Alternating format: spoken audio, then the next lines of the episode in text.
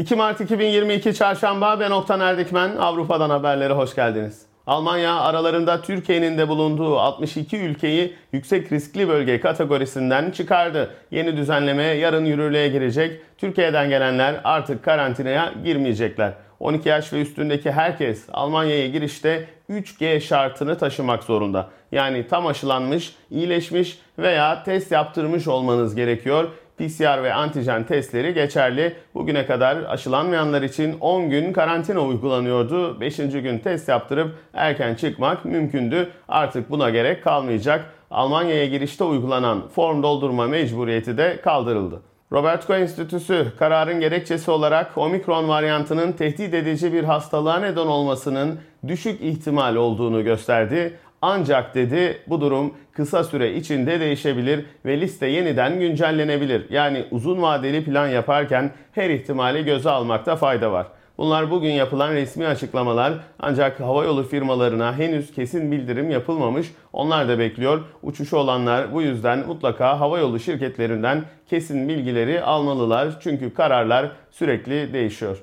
Almanya'da yeni vaka sayısı 186 bin olarak açıklandı. Geçen hafta aynı güne göre 25 bin azaldı. Az da olsa istikrarlı şekilde düşüş sürüyor. Ünlü virolog Drosten NDR Info'ya konuştu. Omikron yaz aylarında da bulaşmaya devam edebilir. Kapalı alanlarda mutlaka FFF2 maske takmak lazım dedi. Alt varyantların özellikle yaşlıları olumsuz etkilediğini söyledi.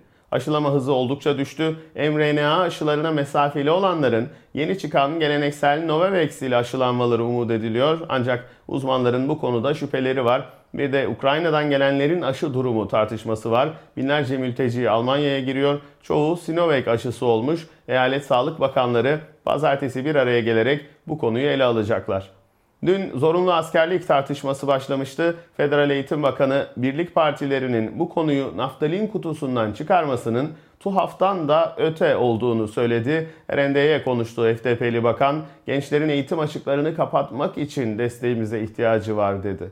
Verdi Sendikası ise belediye kreşlerinde, sosyal hizmetlerde ve engelli bakımında çalışanları 8 Mart'ta greve çağırdı. İşverenler sendikanın taleplerinin finanse edilemez olduğunu düşünüyor. İşçinin talebi finanse edilemez ama lüks otomobiller, yatlar, katlar, villalar finanse edilebilir. İşverenin görüşü bu. Alman Sosyal Demokrat Partisi'nin sol kanadı da sosyal yardımların yükseltilmesini istedi. SPD'nin hepsi değil ama bir bölümü yardım miktarının 600 avroya çıkarılmasını istiyor. Grubun talepleri arasında elektrik faturalarının karşılanması da var. Şu anda Almanya'da yalnız yaşayan bir kişi ayda 449 avro sosyal yardım alabiliyor. Almanya'da işsiz sayısı geçen yılın aynı dönemine göre 500 bin azaldı. Şubat ayında işsizlik oranı %5.3 olarak açıklandı. Şu anda 2 milyon 430 bin kişi çalışmıyor. Rusya'nın Ukrayna'yı işgali bütçedeki dengeleri de değiştirdi. Orduya ek olarak 100 milyar avro verilecek. Bu sene yaklaşık 100 milyar borç alınacaktı. Maliye Bakanı daha fazla borç almamak istiyor ama nasıl olacak belli değil. Halkın %74'ü ise ordunun güçlendirilmesi fikrini destekliyor. Enerji politikaları da değişiyor. Yıl sonuna kadar 3 nükleer santral daha kapatılacaktı.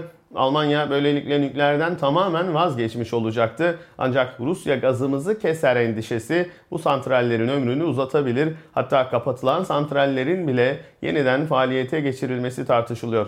ABD Doğu Avrupa'ya asker sevk etmeyi sürdürüyor. Binlerce asker Almanya'ya geldi. Askerleri Nürnberg Havalimanı'nda Bavyera Başbakanı ve CSU lideri Markus Söder karşıladı. Hoş geldin hediyesi olarak da beyaz sosis götürdü.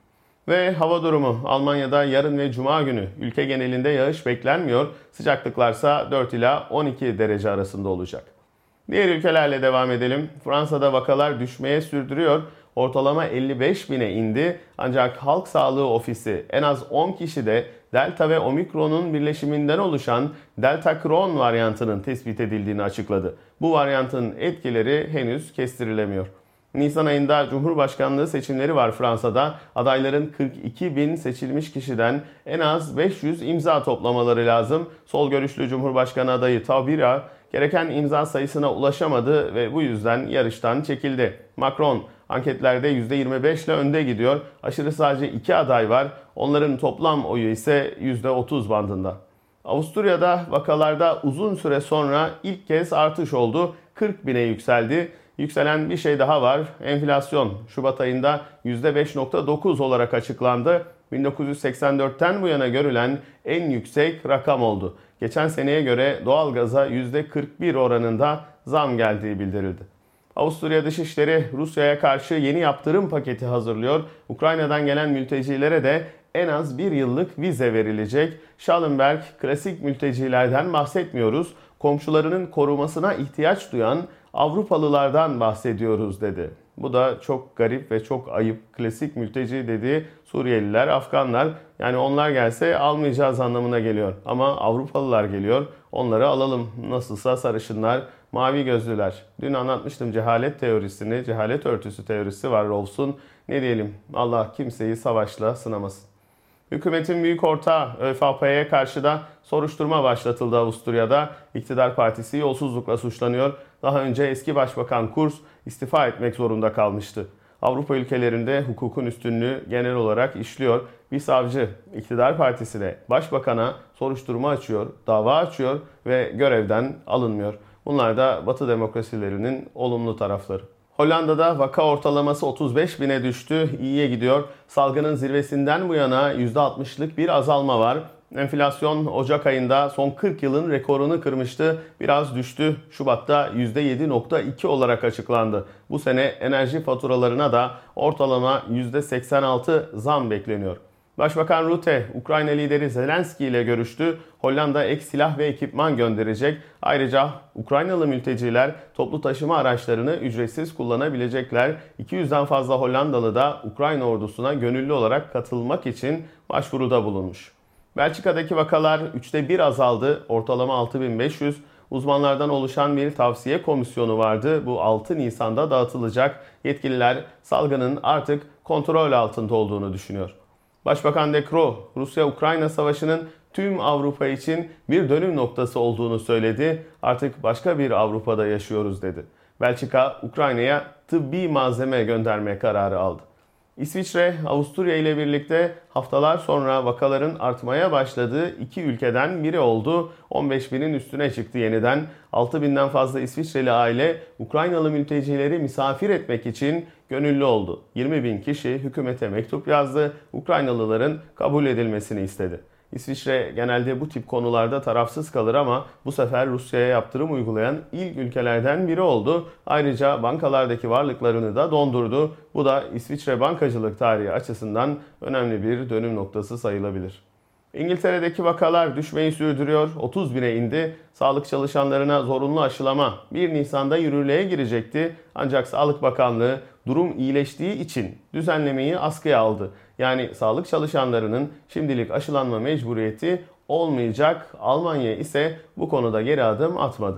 Başbakan Johnson mecliste yaptığı konuşmada Putin'in Ukrayna'da savaş suçu işlediğini, sivilleri bombalama emri verdiğini söyledi. Rusya'ya uygulanan yaptırımların genişletileceğini açıkladı. Bunlar Rus ekonomisini büyük ölçüde etkiliyor fakat Putin ve diğer yetkililer bu yaptırımları umursamıyor diye konuştu. Hakikaten Putin umursamıyor ama zarar gören masum insanlar var. Rusya'dakileri bırakın tüm dünyadaki Ruslar zarar görüyor. Çok abartanlar var. Almanya'da bir restoran kapıya Rus vatandaşlarını almıyoruz diye tabela astı. Münih'te bir orkestra şefi Putin'i kınamadığı için görevden alındı. Netflix Anna Karenina çekimlerini durdurdu. Sinema şirketleri yeni vizyona girecek filmleri Rusya'da göstermeme kararı aldı. Milano Üniversitesi Dostoyevski'ye bile sansür uygulamaya başladı. Bu işin Rus halkına karşı bir düşmanlığa, bir cadı avına da dönüşmemesi lazım. Suç varsa şahsidir. Bir kişinin annesi, babası, kardeşi bile dünyanın en ağır suçunu işlese o kişi sorumlu tutulamaz. Aynı şekilde bir ülkenin hükümetinin tercihlerinden o ülkenin vatandaşlarının tamamını sorumlu tutamayız. Aksi halde bu iş cadı avına döner. Dünya tarihi bu gibi paranoyaların neden olduğu trajedilerle dolu. Soğuk Savaş döneminde Amerika'da bir komünizm paranoyası vardı. Bu korku ortamı McCarthy'nin yükselişini sağladı. McCarthy başarısız bir avukattı. Siyasete meraklıydı, hızla yükselmeye çalışıyordu. Önce Demokrat Parti'de şansını denedi, olmadı. Sonra Cumhuriyetçi Parti'ye geçti ve burada yükseldi. Amerika'da Sovyet ajanlarının cirit attığını iddia ediyordu. Savaş propagandası yapıyordu. Kendisi masa başında askerlik yapmıştı ama silahlarla poz verip seçim çalışmalarında bu fotoğraflarını kullanıyordu. Kütüphanelerdeki kitapları bile yaktırdılar. Sağcı olmayan herkesin komünist olduğunu düşündüler. İnsanlar birbirlerini ihbar etmeye zorlandı. Ünlü isimler bile baskıyla, tehditle en yakın arkadaşlarına iftira atmaya başladılar. Demokrat bir çift vardı. Ethel ve Julius Rosenberg. Atom bombası sırlarını Ruslara sattıkları iddiasıyla tutuklandılar. Yalan ifadelerde baskıyla, tehditle bir mahkeme düzenlendi ve Rosenberglerin elektrikli sandalyede idamına karar verildi. Suçsuz yere öldürülen bu insanların acısını dünyadaki herkes yüreğinde hissetti. Onlar için şiirler yazıldı, şarkılar bestelendi. Bu şiirlerden en güzelini bir Türk şair Melih Cevdet Anday yazdı. Bir çift güvercin havalansa, yanık yanık koksa karanfil. Değil bu, anılacak şey değil. Apansız geliyor aklıma. Sevdiğim çiçek adları gibi, sevdiğim sokak adları gibi, bütün sevdiklerimin adları gibi adınız geliyor aklıma. Nice aşklar, arkadaşlıklar gördüm, kahramanlıklar okudum tarihte. Çağımıza yakışan vakur, sade davranışınız geliyor aklıma. Bir çift güvercin havalansa, yanık yanık koksa karanfil. Değil, unutulur şey değil. Çaresiz geliyor aklıma. Hoşçakalın.